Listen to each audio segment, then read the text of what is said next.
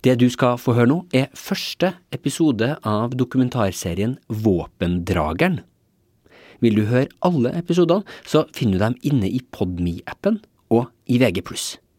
Gå inn på vg.no podme for å finne ut mer. En podkast fra VG.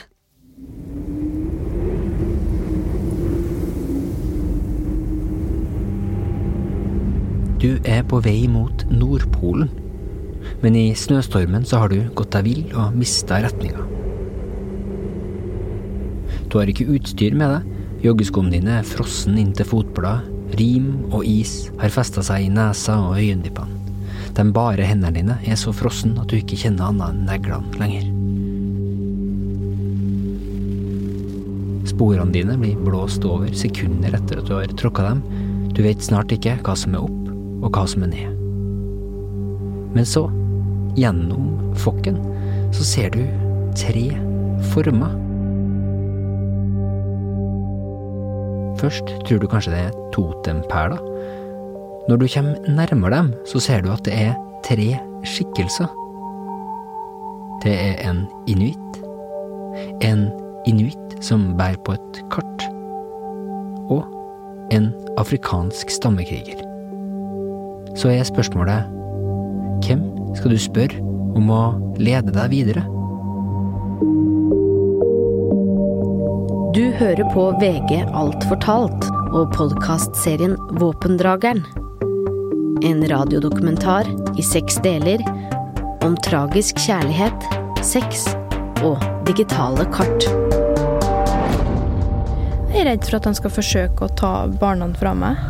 At dette skal være en, en sekt som, som, straffer utbrytere, det, det, det, benektes på det mest bestemte. At du står og ringer på klokka og kaller meg en sleip jævla ål. Får jeg for første gang høre stemmen som sier 'du er en svindler, du, din jævla svindler'.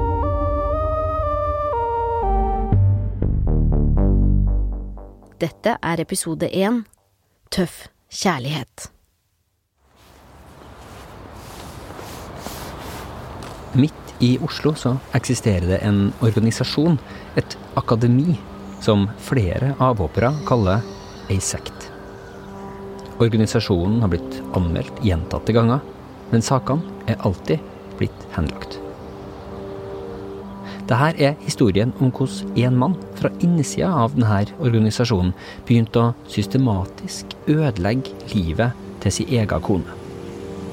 Nøster vi i denne historien, så kommer vi over ei mye større fortelling, som ender nå i mars 2021 med en stor bedragerisak i Oslo tingrett. Det er veldig ubehagelig å være her. Jeg merker at jeg, går, jeg ser meg rundt. Tenker liksom at det skal komme noen. Jeg har jo ikke lyst til å treffe noen av dem som jeg pleide å, å være her sammen med. Dette er Sara Scott, i dag en 32 år gammel sykepleier og mor til to. Dette er første gang hun står åpent frem med sin historie. Det er tre og et halvt år siden hun sist var her, på Sinsen, et høydedrag øst for Oslo sentrum. Der, i første etasje i en teglsteinsbygård fra 1930-tallet, ligger et lite, uanselig kontorlokale. Jeg kjenner jo inni meg at jeg er både Jeg er veldig sint på mange av dem. Jeg har veldig mye jeg kunne tenkt meg å sagt. Eh, men jeg er også veldig lei meg for det jeg har opplevd her. Jeg kjenner at det er mye sorg òg. Mye tid som er brukt her. Kontorlokalet ligger i samme bygg som ei fastfood-sjappe som har spesialisert seg på pizza og frityrstekt kylling, og et revisorfirma. Godstogene på Gjøvikbanen glir sakte forbi rett bak bygget. Sara, med det lange, blonde håret hengende over boblejakka, lener seg inn til ett av de store vinduene og titte inn i lokalet, som nå er ominnreda til å bli en liten butikk for soveromsinventar. Og da var jo ja, I hvert fall halve vinduet var jo sånn eh, frosta glass. Så er logoer øverst. Oppå der. Hva sto det der? Adiktologiakademiet. Eh, pulten til Espen pleide å stå hjørnet der, der det står ei bokhylle. Og innerste lokalet, det var der vi terapien foregikk, da. Grunnen til at Sara Scott brukte flere år av livet sitt på det som foregikk på det lille terapirommet bakerst i det her kontorlokalet, det var Brede Henriksen. Hun husker godt første gang hun møtte han. Møtte Brede i Industrigata på Majorstua, rett over Meny på Majorstua. Hjem til ei venninne av meg. Så møtte jeg Brede første gang i juni 2007. Og syntes han var helt eh, nydelig. Ble stormende forelska med en gang. Men da var jeg akkurat fylt 18 år og um, bodde i Kristiansund. Så vi eh, møttes igjen året etterpå, juli 2008. Han er jo veldig um, vakker mann, da. Mine øyne. Mm. Så var han litt uh, lost, hvis det er lov å si. Eller når jeg møtte han, så var jeg jo Ja, han, var, han var, virka litt lost. Veldig Ville ikke fortelle så mye om seg sjøl, men når du først begynte å spørre, så var det ikke måte på alt han fortalte. Og var veldig fascinerende, da, at det, Nei, han var arkitekt, og alt han drev med der, det fortalte han jo villig om, og Ja. Han var veldig høy og mørk og kjekk og fascinerende, rett og slett. Det var han. Mm. Dagen etter det andre møtet så skulle Sara Scott reise til Skottland, hvor hun har familie, sammen med faren og broren sin. Brede Hendriksen slo seg spontant med på den turen. Så vi reiste til Sandefjord, satte oss på samme fly som faren min og broren min. Det var ikke de helt fornøyd med, for å si det mildt. I Skottland så pendler dagene mellom at de to rømmer bort fra familien og fordyper seg i hverandre på et hotellrom, og at Brede spiller godt svigersønnmateriale for broren og faren til Sara.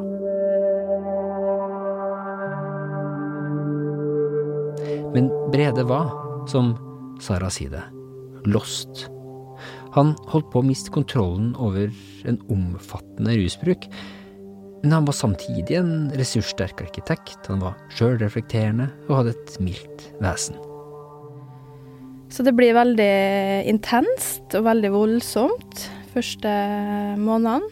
Tar raskt en avgjørelse om at jeg, det her har jeg lyst til. Så jeg sier opp jobben min i Kristiansund og reiser til Oslo.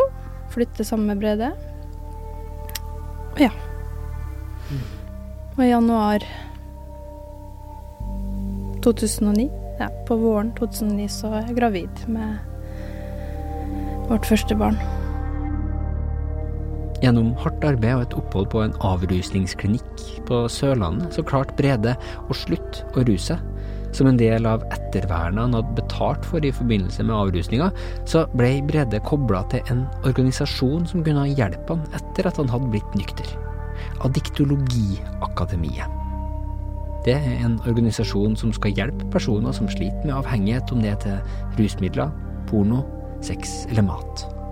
Brede og Sara ble med på gruppetimer i Kristiansand. Dit flytta også den lille familien etter avrusninga. Du får tegna opp noen matriser på ei tavle med hvordan man til slutt har endt opp som rusavhengig. Og i deres øyne så var jo jeg også syk, medavhengig til den rusavhengige, da. Mista mammaen min da jeg var syv år gammel, så jeg vokste opp med, en, med pappaen min og broren min. Så det var naturlig for meg å ta ansvar veldig tidlig, da. Så det var jo gjenkjennbart at jeg også tok ansvar for den rusavhengige. Mm. Sara og Brede fikk sitt andre barn, og Brede holdt seg nykter. Mye på grunn av reglene og verktøyene han hadde fått fra Adiktologiakademiet. Men Sara merka at det på enkelte av gruppeterapiøktene står en mann og lener seg mot dørkarmen i bakgrunnen. En mann med lyst hår, kledd i røffe, men åpenbart litt kostbare klær. Jeg tror vi er like Jeg er 57, så han er ikke så mye høyere enn meg. Eh, veltrent, solbrun, eh, glad i bling. Det er gull, og det er dyre merkeklær, og det er tøffe biler. Veldig sånn uh, brei uh, østkantdialekt. Mm. Veldig skremmende, og samtidig veldig tiltrekkende. Det var Espen Andresen, grunnleggeren og lederen av Adiktologiakademiet. Jeg tror ikke jeg kosta han en kalori å skjelle ut en vilt fremmed. Samtidig så var det jo tiltrekkende det han sa, at det fantes en løsning på problemet. At uh, vi kunne bli gode foreldre. At Brede kunne fortsette å være rusfri. At ikke han uh, Hvis han fulgte det her, så kunne han holde seg rusfri. Jeg tror at jeg gjør det jeg gjør i dag det her er stemmen til Espen Andresen fra et foredrag lagt ut på YouTube-kanalen til et sentralt adiktologimedlem, hvor han sjøl beskriver med egne ord hvorfor han vil jobbe som terapeut. Og har lært det jeg har lært, og overlevd det jeg har overlevd, fordi at jeg skal gjøre akkurat det jeg gjør i dag, og holde på å hjelpe sånn som Laila og alle andre som vil ha hjelp, til å på en måte praktisere dette her. Opplevd hans historie som en fyr som har vært oppriktig og som kanskje også er det. Sånn, hvert, hvert fall ønsket å hjelpe mennesker, da. VG-journalist Gordon Andersen har sammen med makkeren Erlend Ofte Arntzen brukt flere år på å grave i hele det her sakskomplekset denne podkasten handler om. Deres jakt etter å forstå hvordan det hele hang sammen, var sentral for å avdekke det som nå, i 2021, har endt opp som en stor rettssak mot en kvinnelig lederskikkelse i adiktologimiljøet og hennes selskap. I forbindelse med Gordon og Erlends undersøkelser har de også forsøkt å forstå Espen Andresen.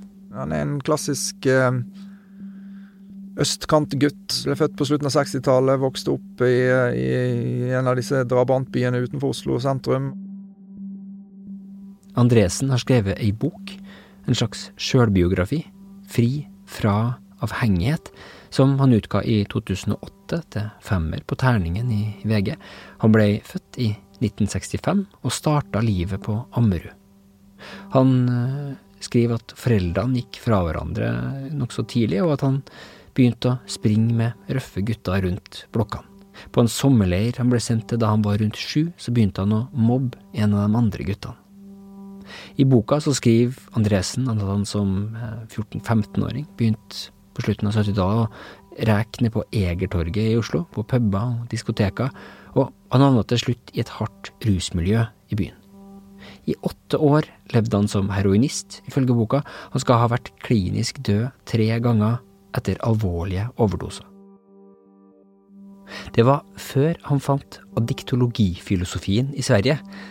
Den var funnet opp og beskrevet av Torbjørn Fjellstrøm i boka hans Adiktologi læran om bindinger. Derfor så endte han opp med å opprette Diktologiakademiet, firmaet han har livnært seg fra siden 2005.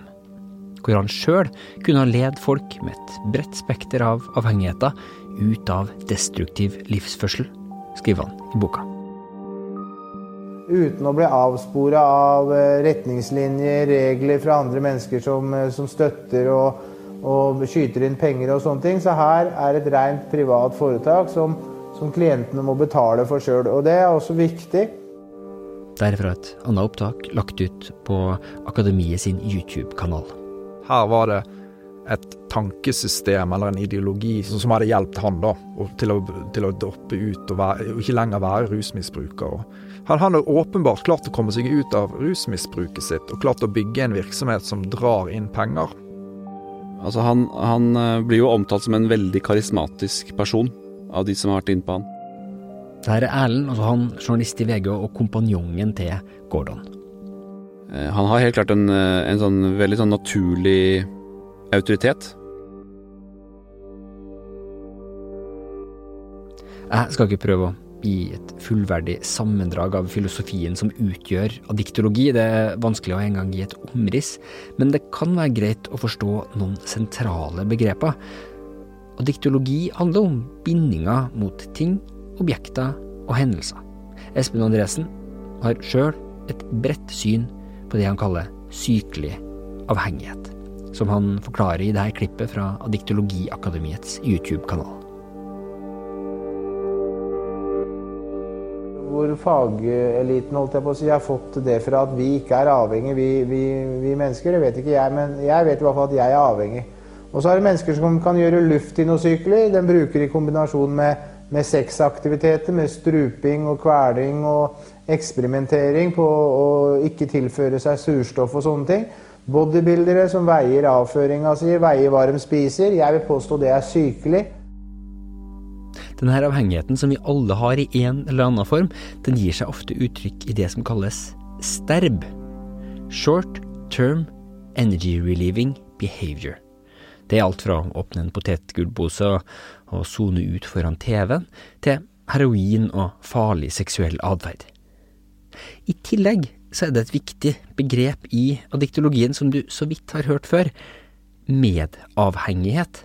Den som er rundt den avhengige, og støtte opp om avhengigheten. Etter hvert så flytta Sara og Brede fra Kristiansand til Oslo, hvor Espen Andresen drev Adiktologiakademiets hovedkontor i det lille lokalet på Sinsen terrasse. Virkeligheten utenfor akademiet ble stadig fjernere for ekteparet, sier Sara.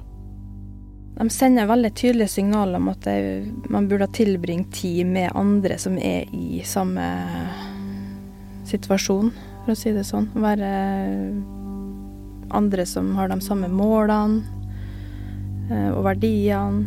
Ja. Og det er klart Hva betyr det? Nei, Som rett og slett eh, driver med adiktologi.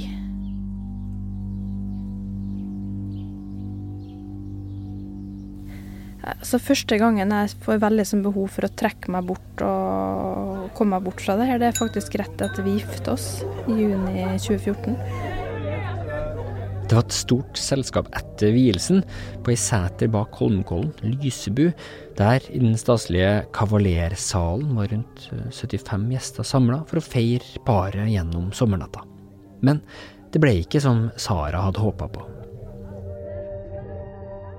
Det bryllupet vårt blir veldig prega av adiktologi. Det handler egentlig bare om adiktologi. Så hele bryllupet åpner med at uh, en av uh, de andre medlemmene i akademiet sier at uh, jeg heter Anders og er alkoholiker. Så da må resten av bryllupet presentere seg. Jeg tror det er en veldig, veldig spesiell opplevelse. Jeg tror ikke jeg må ha vært i et sånt bryllup uh, verken før eller etterpå. Og det var selvfølgelig Jeg var veldig trist. Og jeg hadde veldig kraftige reaksjoner i etterkant. Syns det var veldig trist at fokuset i bryllupet vårt handla om eh, rusavhengighet og Espens eh, skole og utdanning og Var han til stede? Han var til stede. Mm. Vi hadde veldig vanskelig tid etter bryllupet, for da tok jeg opp de her reaksjonene jeg hadde med Brede, og Brede bega meg ikke noe forståelse for det i det hele tatt. Og da husker jeg at jeg sa til henne at eh, jeg har ikke lyst til det her mer, jeg har ikke lyst til at det her skal være en del av livet vårt. Men Brede ville ikke være med på å trekke seg fra organisasjonen som hadde gitt han det essensielle rekkverket han trengte for å ikke havne tilbake i rusen igjen. Han sa at det kom ikke på tale. Det var enten det eller at ikke vi fortsatte eh, ekteskapet. Sara Scott endte opp med å velge han og adiktologien. Og heller enn å ta mindre plass i livene deres, så tok Adiktologiakademiet mer plass, ifølge Sara. Det var stadige gruppesamlinger, ofte ute på det som ble kalt Adikthus, en stor villa i Åros mellom Drammensfjorden og Oslofjorden. Pleide det å være sommerfest. Eh, hvert år så var det en sånn sommerfest med der eh, et par stykker holdt en eh, slags sånn livshistorie, og det var enkelte som spilte trommer og spilte gitar. og det var jo andre familier der som hadde barn, så det var veldig hyggelig for våre barn.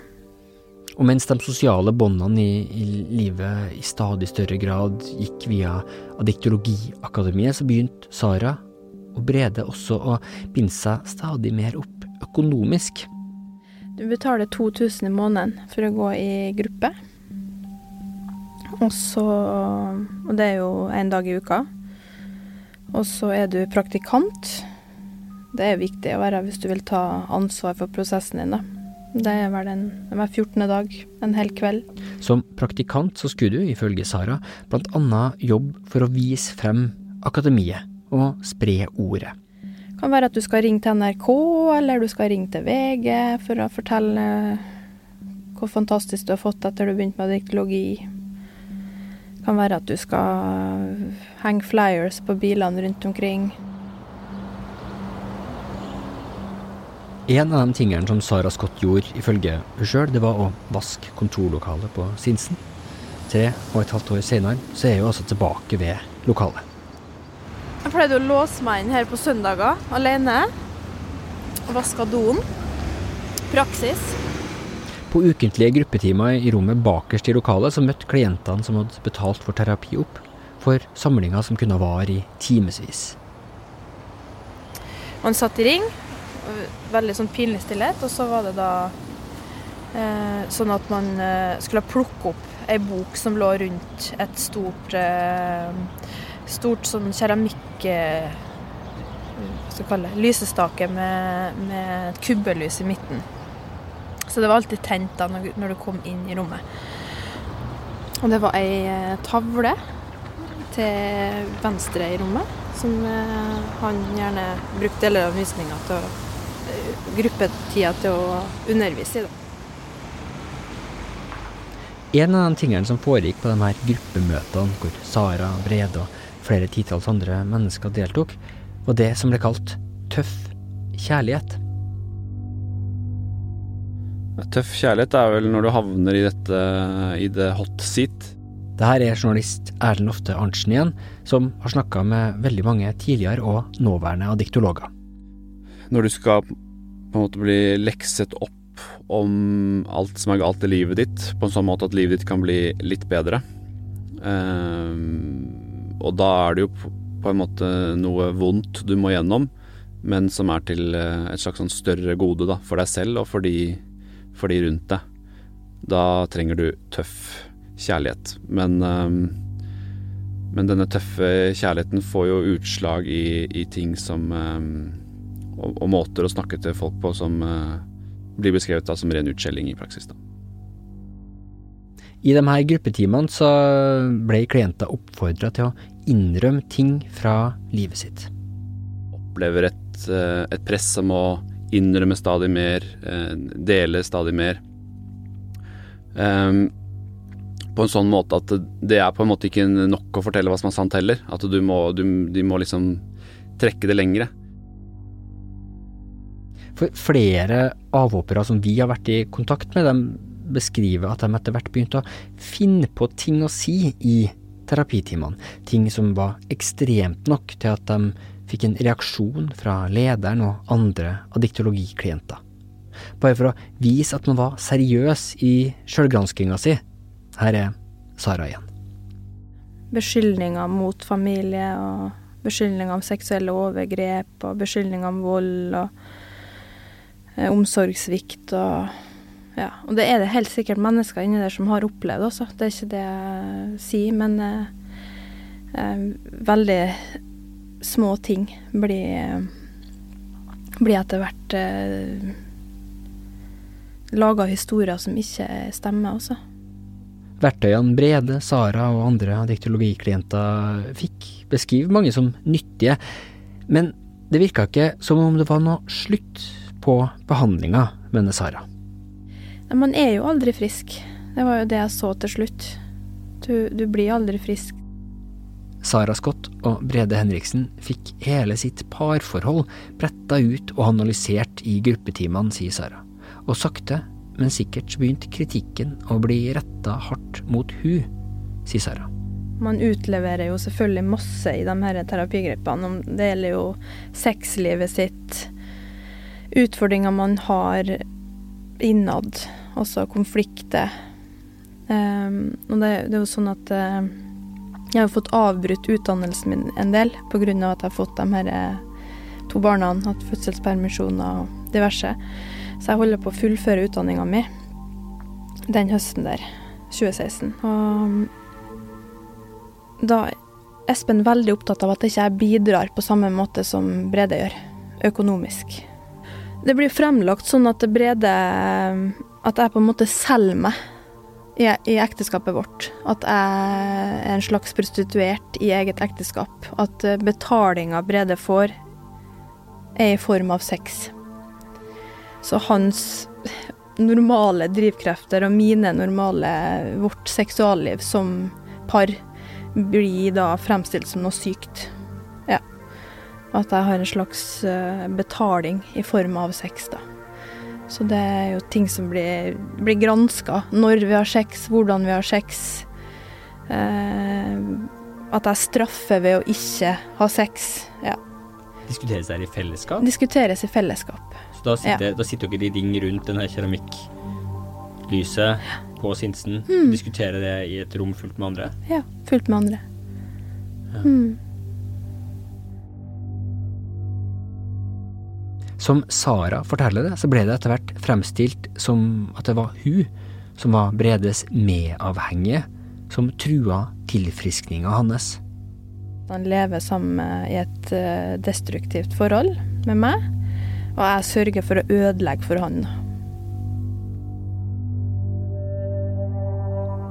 I jula 2016, da de hadde vært fem år i akademiet, så feira Brede og Sara, med ungene, som da var seks og fire år gamle, høytida i leiligheten deres på Sankthanshaugen.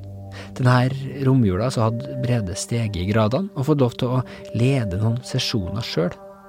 Men så, dagen før nyttårsaften, kom Brede seint hjem etter et møte på akademiet. Sara satt og så på TV i sofaen i stua. Brede sa at de to måtte snakke sammen de satte seg ned ved spisebordet. Brede sa at han mente at de to måtte gå fra hverandre. Sara begynte å grine. Hun trygla han mens barna sov på soverommet vegg i vegg om at de måtte forbli sammen. Men Brede sto på sitt.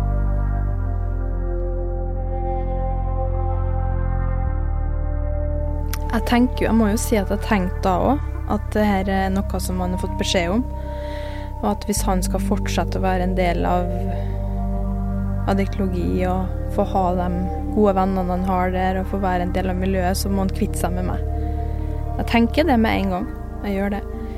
Men det er jo sånn at når noen sier det mange nok ganger til, så må jeg nesten ta det innover meg at han vil ikke at vi skal være sammen. Han vil skilles. Og da Jeg må nesten ta det innover meg etter hvert. Men jeg bruker tid på det. Jeg prøver desperat mange ganger å nå inn til han. At jeg ikke vil det her. Jeg er villig til å gjøre hva som helst for at vi skal få det til. Det er det her jeg ønsker. Jeg ønsker at vi skal være sammen, og vi skal være den familien vi er. Men det er helt eh, låst. Det handler bare om å Det er terapigrupper, og det er kurs og utdanning.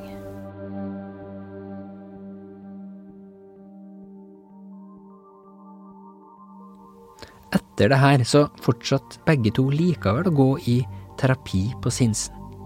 Så, i januar 2017, mens Sara og Brede fortsatt prøvde å finne ut hvordan de to skulle klare å bo fra hverandre, så ble Sara kalt opp til kontoret. På kontoret så møtte også Brede, Espen Andresen og ei ny kvinne i denne historien. En 38-åring med mørkt, langt hår, velfriserte negler og en elegant klesstil. Brede Espen og denne kvinna hadde invitert med seg én person til. Det husker jeg veldig godt, for det var samme dag som vi arrangerte barnebursdag for eh, et av barna våre. Så blir svigerfaren min kalt opp på Sinsen, og da mm, får jeg beskjed om å fortelle svigerfaren min hvordan jeg egentlig er. At jeg har eh, hatt one night stands, hvem jeg har hatt sex med, hvordan jeg har hatt sex med dem. Det blir fremstilt som at jeg har uh, hatt over normalen seksualpartnere, da. Men de sier det her må du si til din sykefar'? Ja. Foran han. Gjør, Mm. gjør du det? Jeg gjør det. Forteller, forteller ting som du ikke hadde fortalt uh, svigerfar din, for å si det sånn. Mm. Hvordan reagerer han? Han blir veldig skremt og redd. Han får jo selvfølgelig et eh, helt annet bilde av meg. De vil vende han mot meg. Det er i alle fall Saras påstand. Etter konfrontasjonen så gikk hun fra kontoret på Sinsen og ut i januarnatta. Uttømt, forvirra og redd. Fra Sinsen så går det en lang bakke ned mot Oslo-gryta. Byen var full av lys, men himmelen og åsene rundt lå i mørket. Så jeg tror jeg er så redd for hva konsekvensene er. Hva, hva det ender med. Jeg har sett hvordan det går med andre som går ut, hva de blir utsatt for. Hva konkret er du redd for, det? Jeg er redd for at de skal forsøke å ta barna fra meg. Um, at den informasjonen jeg har utlevert, skal bli vridd og vendt og brukt imot meg. Det er jeg redd for. Mm.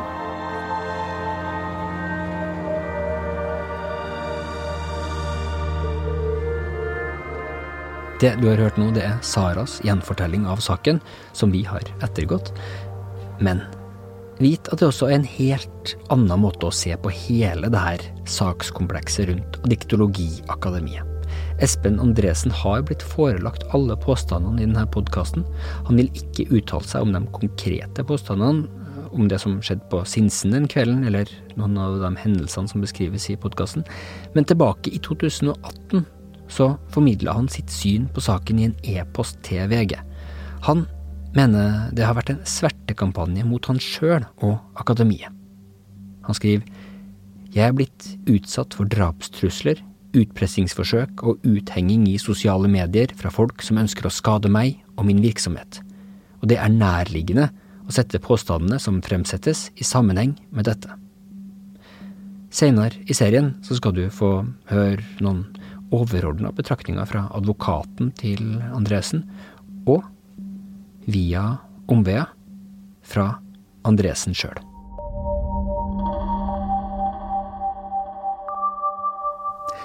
Etter kvelden på Sinsen så gikk Brede lenger og lenger inn i akademiet. Sara fulgte med han noen skritt bak, for redd til å slutte. Altså Det store mysteriet blir jo hvorfor finner folk seg i å bli behandla på en sånn måte? Journalist Erlend Ofte Arntzen igjen. Hva er det som gjør at de finner seg ut i utskjelling? Hva er det som finner seg, at de finner seg i at det blir brudd i egen familie, enten det er med koner eller med, med, med mor og far? Hvorfor, hvorfor bryter de ikke ut? I neste episode av Våpendrageren så skal vi prøve å komme nærmere et svar på det spørsmålet, når du skal få høre historien fra Brede Henriksen si side. Altså, det eneste jeg kan gjøre nå, det er å redde barna mine. Fordi hun er så syk, og hun er på vei ut, og tar med, med meg med på i, i draget.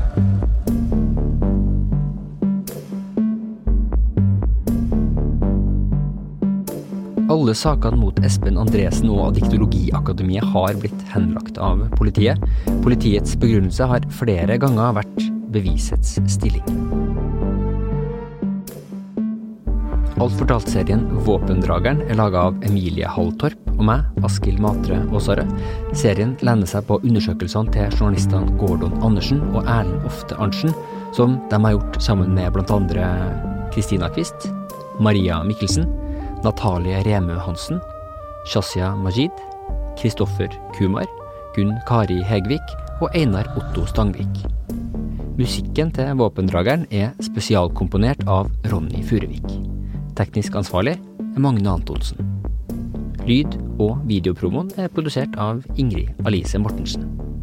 Ansvarlig redaktør for Alt fortalt og denne serien er Gard Stero.